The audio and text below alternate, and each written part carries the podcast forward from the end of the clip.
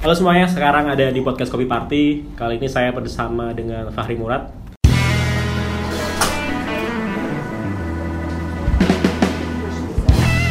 Time, halo. Asik. Ini kemarin Ah, apa? Nama aku, eh, ini pakai aku, gua, saya. Aku, gua, saya nggak apa-apa sih. Tapi mungkin kita bakal nyampur-nyampur karena eh, kalau nyamannya ngomong gua nggak apa-apa. Ketika ngomong aku juga nggak apa-apa karena kita juga sering di Jakarta tapi sering di Jogja juga nih sama-sama nih. Kadang-kadang saya, di Jogja bingung juga tuh. Ah. Ngomong gue tapi ada logat Jawa ya. Eh, iya, benar-benar. gue belum adus gitu kan. Ah, nama gua Fahri. Ah. Gua sih aslinya Samarinda, Kalimantan Timur gitu. Itu aja sih Mas. gitu aja. Terus sekarang ada di Jakarta. Sekarang sih stay di Jakarta. Sekarang stay di Jakarta, terus ah, kerjaan sekarang ya paling cowok panggilan sih Mas. Coba panggil gimana tuh? Panggilan buat kelas-kelas kopi gitu. Kelas kopi. Ah, entah kelas manual brewing atau enggak kelas-kelas yang membahas kompetisi sih. Ah. kamu latar belakangnya sebenarnya apa sih mas?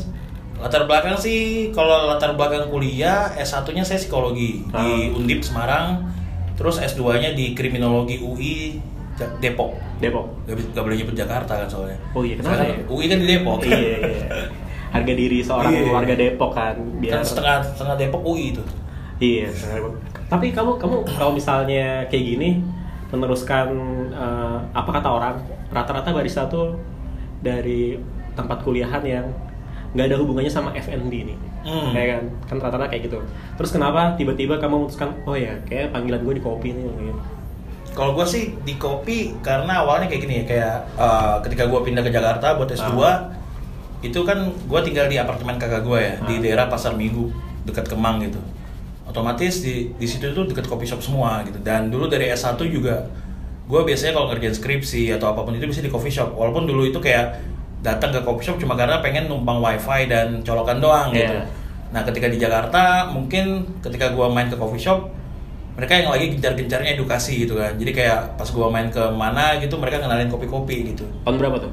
itu gua pindah ke gua lulus S1 2015 kemudian gua lanjut lagi S2 itu 2015 akhir nah di situ gua waktu itu kebetulan gua ke filosofi kopi di filosofi kopi gua dikenalin sama orang-orangnya kemudian gua akhirnya rajin ke sana gue sih bilang kayak gue sebenarnya gue sering bilang banget kayak gue korban hospitality sih Korban hospitality. jadi kayak uh, gue kemakan sama keramat tamahannya barista gitu. Jadi kayak mungkin di Semarang cuma ada beberapa coffee shop yang melakukan hal itu gitu. Tapi ketika di Jakarta gue mendapatkan kayak barista itu care banget sama customernya gitu. Sampai akhirnya gue jadi loyal customer, uh, regular customernya filosofi kopi. yang di Blok M ya? Ya yang di Blok M pertama Ah. kali. Di situ gue bahkan di situ gue pertama kali megang alat yang namanya V60 dan sebagainya gitu. Lalu dikasih dikasih ini berarti dikasih kesempatan buat ngeblusin Ya, dulu gitu. jadi waktu itu ada uh, kan filosofi kopi waktu itu rame banget ya. Tapi waktu itu gue datang pagi jam tujuan gitu, terus baristanya bilang kayak, lu nyeduh dong, bikin sendiri gitu. Gue dikasih VSD, gue dikasih timbangan dan sebagainya kayak, anjing ini alat apaan ya? Akhirnya di situ mulai berani gitu nyeduh kopi walaupun ya nggak tahu rasanya gimana, yang penting itu aja lah gitu kan. Nah setelah saya sering ke sana mereka terus bilang "Eh, coba main ke coffee shop yang lain dan akhirnya mereka waktu itu nawar eh, bukan nawarin sih kayak mensarankan ke Coffee Smith. ya. Nah ternyata di Coffee Smith itu jaraknya lebih dekat daripada ke Ya. Philcop dari apartemen ke Smith itu cuma 3 kilo.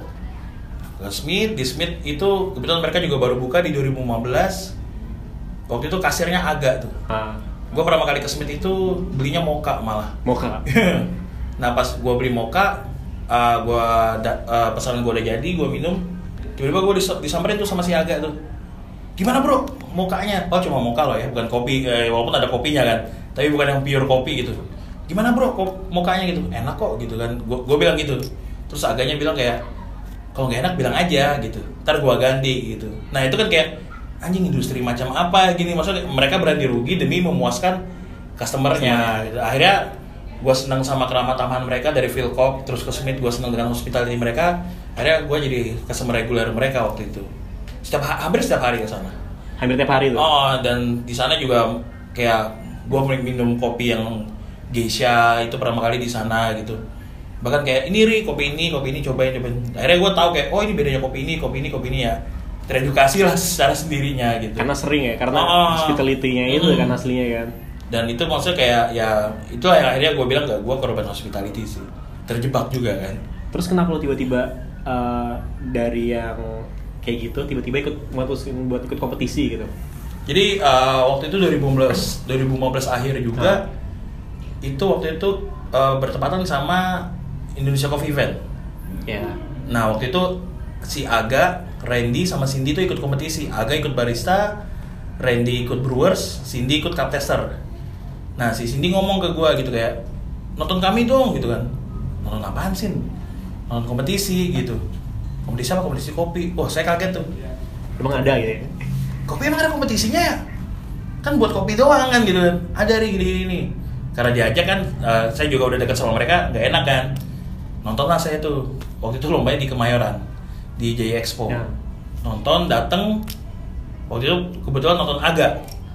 Di situ saya ngeliat, wah anjing keren ya. Maksudnya kayak eh, dia presentasi, dia nggak jelasin sambil buat kopi itu kayak eh, keren banget gitu. Nah di situ mulai tertarik sih sama kompetisi.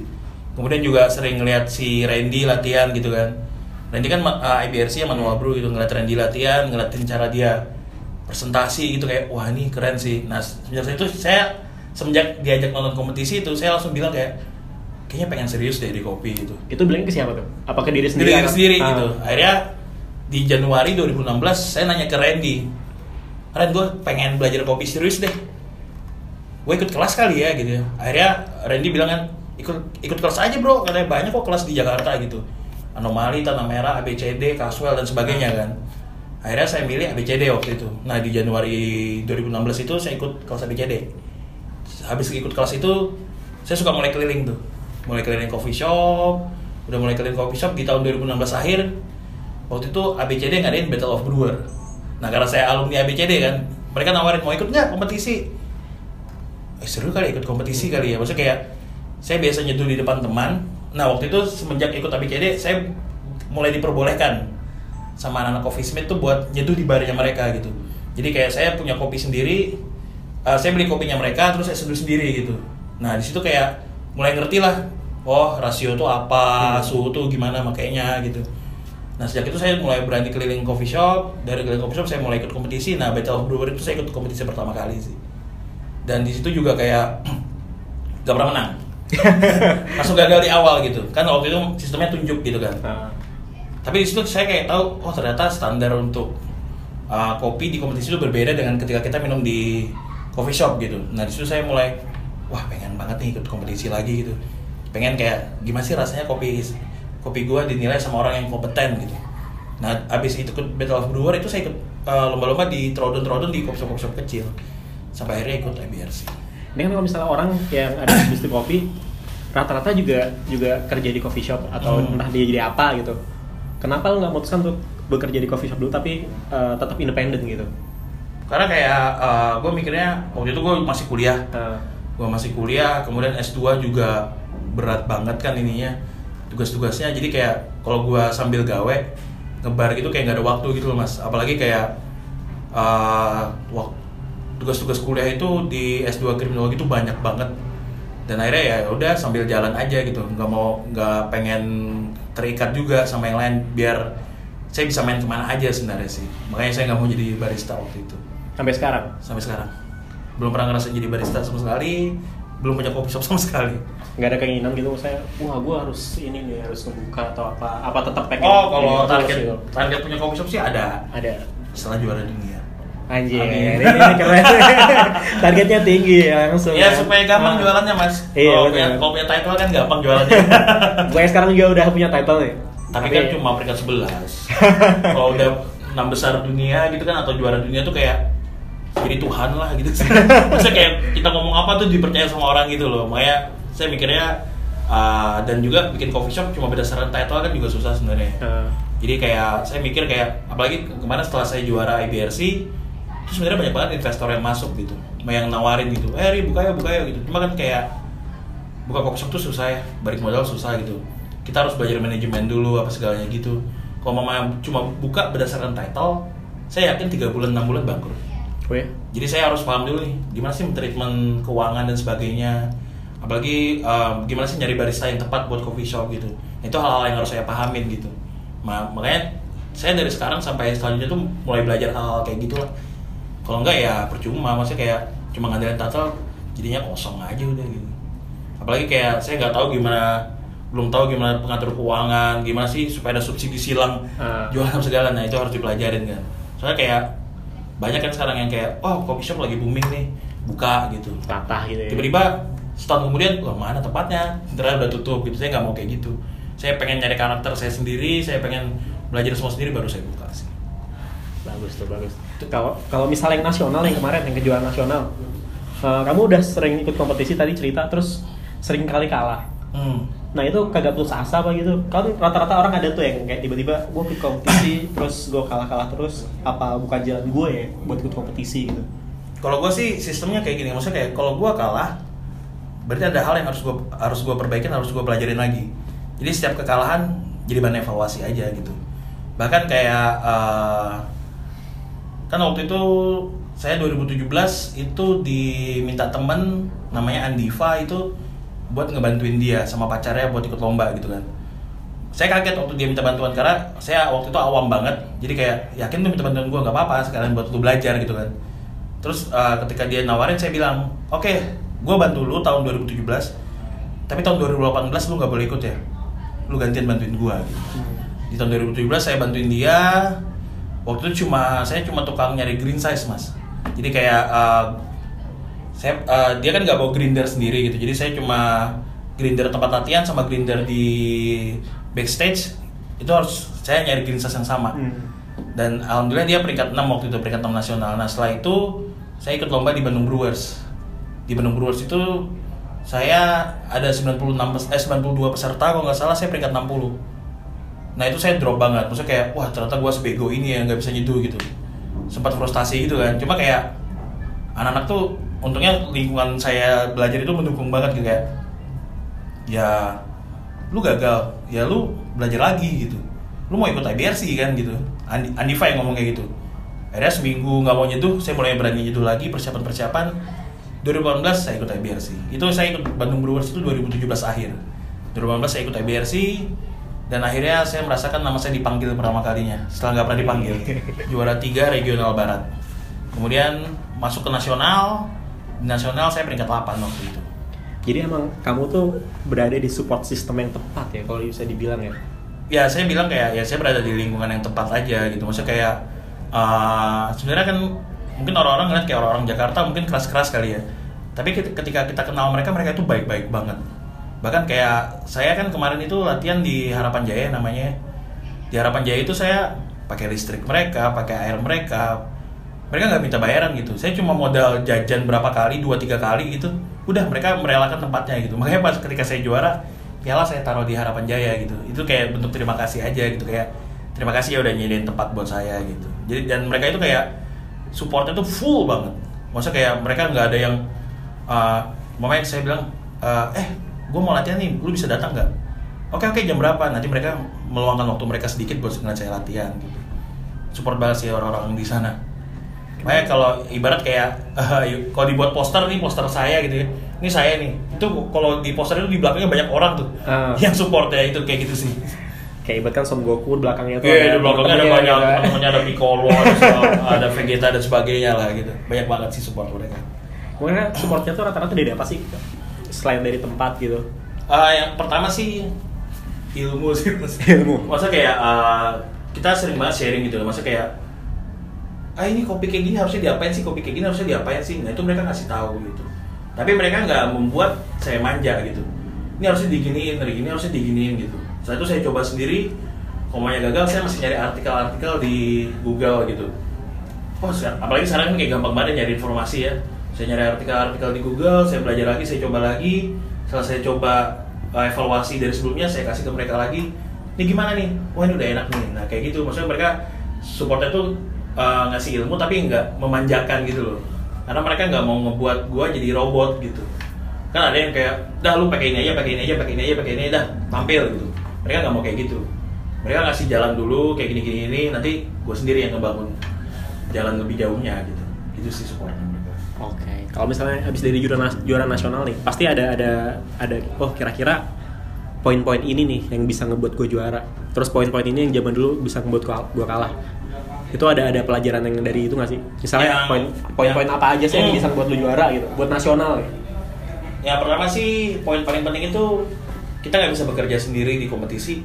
Kita harus punya tim, kita harus punya eh, orang-orang yang bantu kita lah. Itu poin pertama kayak sama masalah roasting kopi. Kita jangan sampai roasting kopi kita sendiri, bikin air. Jangan sampai kita bikin air kita sendiri gitu. Maksudnya kayak supaya kita bisa dapat banyak masukan gitu. Dan poin kedua itu eh, kita harus lebih open mind sih. Masa kayak eh, mungkin bagi kita enak, tapi mungkin bagi orang lain belum tentu enak. Nah jangan sampai kita mempertahankan ego kita bilang kopi itu enak, sedangkan bagi orang lain tuh gak enak. Nah hal, kayak gitu sih yang jadi pelajaran buat saya. Jadi kayak waktu itu kan di tahun ini saya dibantu orang namanya Otnil ya, Otnil Christopher. Itu kayak saya ngasih tanggung jawab ke dia, Nil ini gue punya kopi, gue kasih ke lu. Dah lu mau ngapain aja sama nih kopi terserah. Jadi ketika waktu dia bilang, Ri kopinya bakal begini, bakal begini, bakal begini. Nah itu yang saya masukin ke presentasi saya gitu. Tapi saya bilang ke Neil, Neil, gue punya presentasi, jangan disentuh. Gue percaya sama presentasi gue gitu. Tapi gue percaya sama lu, jadi kami saling punya tugas lah masing-masing. Itu sih poin-poin pentingnya. presentasi menurutmu lebih aman di bahasa Indonesia atau bahasa Inggris Bahasa, kalau di lomba itu bahasa nggak ada penilaian lebih sebenarnya. Jadi kayak uh, di luar pun, di luar negeri pun banyak banget uh, orang-orang yang menggunakan translator. Jadi dia presentasi, kemudian di sebelahnya ada penerjemah gitu. Jadi sebenarnya kan orang pakai orang pakai apa? Orang pakai bahasa Inggris. nah Itu sebenarnya cuma kayak menunjukkan bahwa mereka siap buat ke dunia gitu. Tapi juri nggak akan pernah ngasih nilai lebih kepada orang-orang yang ba- berbahasa Inggris. Oh dia pakai bahasa Indonesia, bakal di minus enggak. Bahasa nggak ngaruh kok. Bahkan kayak saya waktu juara tiga regional barat tahun 2018 itu enam peserta cuma saya bahasa Indonesia. Tapi saya bisa juara tiga. Ya berarti kan bahasa nggak ngaruh kan. Ah. Ujung-ujungnya ya tetap hasil produk hasil akhir kita gitu kopi itu. Jadi ya bagi teman-teman yang belum bisa berbahasa Inggris baru mau ikut lomba pakai bahasa Indonesia aja dulu. pede aja Nah, ya. masalahnya kalau kadang ada beberapa orang, wah, gue lomba lomba pertama gue nih, mereka langsung maksa pakai bahasa Inggris. Kalau mereka gugup, mereka mumbling. ya benar Grammar mereka banyak salah, banyak banyak salah. Mending pakai bahasa Indonesia aja dulu. Udah mereka bisa nguasain panggung dan sebagainya, baru lu pindah bahasa gitu. Gue tahun pertama bahasa Indonesia, tahun kedua gue baru bahasa Inggris. Karena gue sadar kapasitas gue gitu. Gue nggak pengen cuma teriak-teriak, gue pengen gue bisa main all out lah di panggung daripada gue pakai bahasa Inggris. Tiba-tiba nih orang ngomong apa ya kata juri. Nih bahasanya kok nggak jelas gitu. Kan malah itu malah ngurangin customer service kan. Karena kayak tidak eh, kata-kata tidak jelas gitu. Kan sayang dinilai apalagi customer service nilainya dikali dua kalau di apa papan penilaian gitu. Ya mending pakai bahasa Indonesia kuasain aja. terus habis lu juara lu ke Boston Boston nih ke Hmm. Boston itu mahal Hmm. lu dapat sponsor kan pastinya kan? Atau lu usaha sendiri buat ke sana gitu? Sponsor gua c- waktu itu cuma satu si Hario itu pun dari alat. Tapi kalau sponsor sendiri kan sebenarnya se- setiap juara itu dapat uh, hadiah duit Hmm. dari bank yang jadi sponsor. Itu kami dikasih sekitar 50-an lah itu sudah sama tiket gitu. Tiket sama akomodasi tapi itu cuma untuk satu orang dan enam hari gitu kok kalau dihitung-hitung. Sisanya saya duit sendiri sih ya sponsor sih banyak banget yang mau sponsorin. Cuma kayak ya saya nggak mau ngutang aja sama orang. Karena kayak kayak ngutang terus timbal balik tiba-tiba saya lagi pengen nyantai di Jakarta harus ikut bikin workshop dan sebagainya gitu. Saya nggak mau sih. Makanya saya saya waktu itu pinjam duit keluar uh, pinjam duit orang tua sama kakak gitu. Ya ngutang sama mereka kan bisa nyicil ya. Kalau ngutang sama orang kan tanggung jawabnya gede gitu kan. Makanya saya kemarin pakai duit sendiri sih kejar-kejar ya daripada Ya, kan. Sampai sekarang aja kayaknya belum balik modal. Boston mas mahal banget gila. Ke Amerika tiketnya PP 15 juta. Iya. Tempat ti- kita sekali pakai Uber gitu sekalian 500 ribu. Sekali jalan tuh. Oh, berat badannya berat badan saya aja kemarin di Boston itu turun 5 kilo. Turun 5 kilo. Nggak cocok sama makanannya apa gimana nih? Jalan kaki terus. Naik subway kan maksudnya uh, kayak apa supaya daripada kita naik Uber harus bayar mahal mending kita naik subway 12 dolar tapi bisa berkali-kali kan cuma ya harus jalan ke stasiun-stasiunnya itu.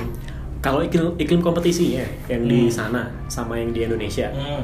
perbedaan yang paling mencolok apa sama aja sih sama yang lain? Kalau di sana tuh mungkin lebih bersahabat ya. Maksudnya lebih bersahabat tuh kayak mereka saling support sama peserta dan kayak gini. Contohnya kayak gini.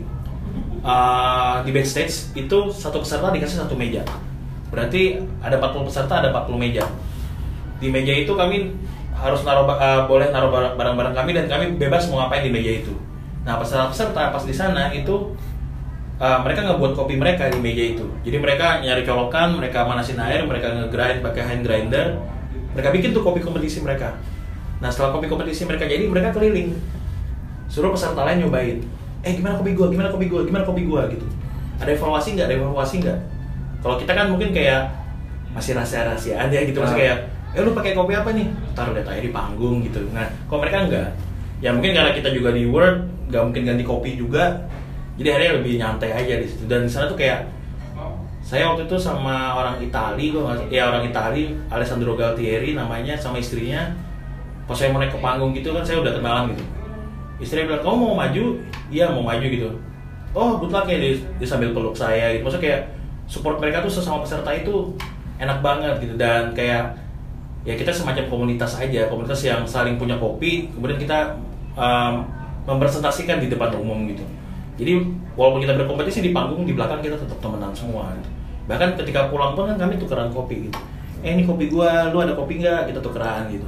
Akhirnya saya dapat banyak kopi dari mereka gitu, lumayan lah. Waktu di sana pakai kopi dari mana?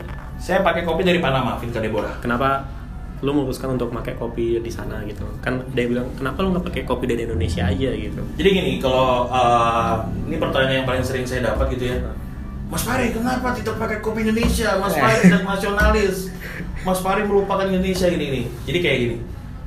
Barista ini kita ngomong lomba beda lomba ya. Kalau di barista itu ada espresso, ada milk beverage, ada signature beverage. Mereka bisa main di susu, mereka bisa main di ekstrak buah-buahan lah gitu ibaratnya. Jadi rasa-rasa kopi mereka bisa ngangkat gitu walaupun mereka pakai kopi lokal. Tapi kalau di brewers kita murni nilai kopi gitu. Dan sedangkan kopi Indonesia itu dari segi uh, kompleksitas rasa mereka masih jauh banget dengan kopi-kopi luar gitu. Jadi kayak umpama kopi kita kita bikin dari panas sangat dingin itu rasanya nggak terlalu berbeda jauh. Tapi kalau kopi luar kita bikin kok panas sangat dingin itu rasanya berbeda-beda beragam. Nah itu kan nilai lebih gitu. Dan kenapa saya nggak mau pakai kopi uh, lokal? Jadi gini di dunia ya orang selalu melihat peringkat gitu kan. Lu nggak bakal didengerin kalau lu peringkat 30-40 daripada saya bawa pering, uh, ba- bawa maksa bawa kopi lokal atas nama nasionalis kemudian di dunia saya dapat peringkat 40 30-an siapa yang mau dengerin saya gitu kan. Saya malah menjatuhkan kopi Indonesia menurut saya. Malah kayak orang-orang "Ah, kopi Indonesia ternyata cuma segini ya gitu. Mending saya bawa kopi luar tapi orang-orang luar tahu bahwa kita punya SDM yang bagus. Jadi kayak saya saya ingin membuktikan bahwa kayak oke ini walaupun kita punya kopi lokal kita pakai kopi luar tapi kita orang Indonesia itu punya kapasitas untuk bertanding dengan jauh gitu. Jadi ya saya dapat peringkat 11 ya walaupun saya nggak suka dengan peringkat 11 karena target saya masuk enam besar gitu. Tapi kan setidaknya ketika saya dapat peringkat 11 tuh kayak wah ternyata Indonesia udah udah ini ya udah sangat berbahaya lah gitu. Mereka punya SDM SDM yang berpotensi gitu.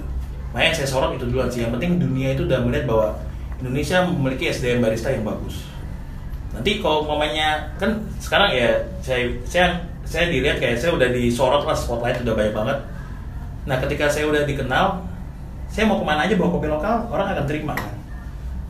Tapi kalau mamanya saya peringkat 40-an ya saya mau ke mana aja orang orang orang nggak akan nggak akan melirik gitu. Tapi karena saya oh ini peringkat 11 nih. Saya kenal ini kopi Indonesia. Ketika saya jalan-jalan ke mana gitu ya mungkin mereka akan lebih lebih percaya gitu kan. Nah di situ titik balik ya kita bisa kenalin kopi Indonesia karena kita udah punya nama gitu sedangkan kalau kita nggak punya nama duluan gimana kita mau kenalin dipanggil orang aja enggak gitu kan kayak gitu sih Oke. Kalau misalnya bisa dibilang lu tuh eh, kayak candu ya kompetisi itu ya berarti ya? Atau Wah, gimana? candu banget mas maksudnya kayak uh, setiap tahun itu kompetisi ada kan Hmm. dan setiap tahun itu uh, kualitas peserta semakin naik kualitas peserta semakin naik berarti kita juga harus menaikkan kualitas kan semakin kualitas kita naik kan semakin bagus. Nah makanya itu alasan saya ikut selalu ikut kompetisi gitu. Dan suasananya sih yang nyenengin. Maksudnya suasana-suasana yang kayak tadi yang bersahabat. Dan terutama ya bisa jalan-jalannya itu sih.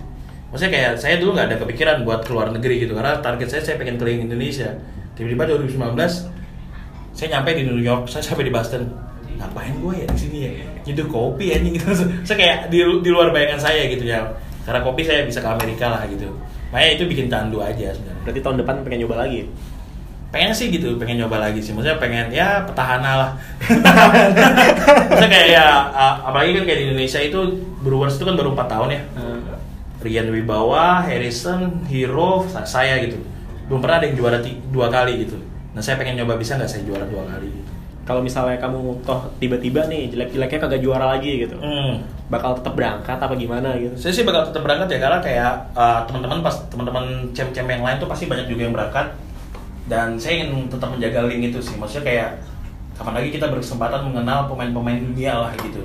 Kayak ibarat ya kalau kita pemain bola kapan lagi kita bisa ketemu Rooney kapan lagi kita bisa Muller gitu dan sebagainya. Saya pengen tetap menjaga link itu sih. Siapa tahu link uh, relasi-relasi semacam itu bisa ngebantu saya ketika saya punya usaha gitu siapa tahu mereka bisa eh lu mau nggak take over bar gua nih? Oh manggil champ dari negara mana gitu? Mungkin kalau udah kenal mungkin harganya bisa turun atau gimana kan atau mereka bisa kita kasih paket liburan gitu. Tapi sambil ngebar di coffee shop kita itu kan bisa gitu. Ya relasi lah mas. Iya, kamu orang orang kriminologi tapi strategi bisnisnya keren ya. itu harus dipikirkan. Maksudnya kayak bahkan kayak uh, saya kan buat alat seduh sendiri ya sekarang ya itu nanti di Melbourne walaupun juara nggak juara saya akan datang saya bawa banyak saya bagi-bagiin ke peserta-peserta cem-cem dari luar negeri. Jadi ini saya buat di reverse sendiri mohon diulik gitu ya. Ya pasti kan mereka posting tuh. Mereka posting kemudian bisa jadi bahan buat wah orang-orang cem ini pakai grippernya Fahri gitu kan. Lumayan mas buat jualan gitu kan. Itu sih maksudnya strategi-strategi juga gitu. Iya, jago juga ya. Kenapa? harus dipikirin mas. Iya. Ini ada ada ada beberapa uh, macam jenis kompetisi dari barista, dari cup tester. Hmm. Kenapa kamu memilihnya di brewer? Saya milih brewer pertama uh, alatnya ramah, kemudian saya bisa beli alatnya sendiri gitu. Kalau barista kan ya saya aja nggak kerja di coffee shop gitu kan, gimana latihannya harus pakai mesin. Maksudnya saya harus beli 120 juta buat saya pakai di rumah gitu. Saya aja pakai Bonavita, alat kettle gitu kan 1000 watt ya. Kalau saya buat di rumah saya harus matiin AC mas. kalau nggak jeglek. Iya. Maksudnya ya alatnya ramah. Terus kalau latte art saya nggak bisa kan karena megang gelas dan sebagainya.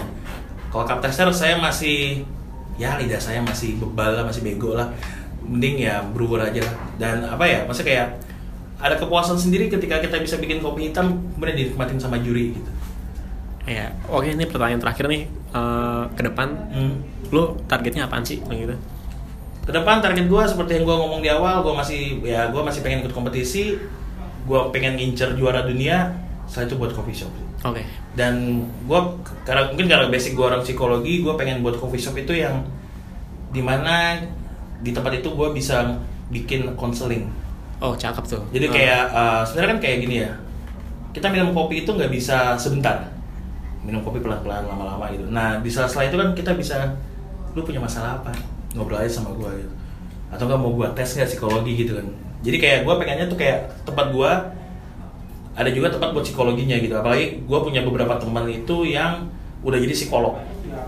Nah mungkin gue bisa minta bantuan mereka, gue bisa bikin lembaga sendiri, yang akhirnya tempat gue bisa jadi kayak ya uh, coffee and counseling lah gitu. Iya, counseling. maksudnya ya maksudnya kan kayak ya coffee shop sekarang itu kan banyak jadi tempat orang curhat dan sebagainya ya. Ya kenapa nggak kita jadikan itu sekalian gitu Itu sih target ke depannya. Oke. Pengennya bikin begitu. Ya maksud semoga sukses lah Mas, buat thank ini you ya. banget. Tahun ini kalau nggak tahun depan udah jadi Amin, gitu. amin, Ah, amin. Semoga juga juara lagi. Amin. Ah, dan sampai jumpa di podcast Siap, berikutnya. thank you banget. Hold up. Hey, سخن ولا بدا episode. Hold up. Hey, سخن ولا بدا episode. Hold up. Hey, سخن ولا بدا episode. Hold up. Hey, sachen willen met een episode. Hey, hey.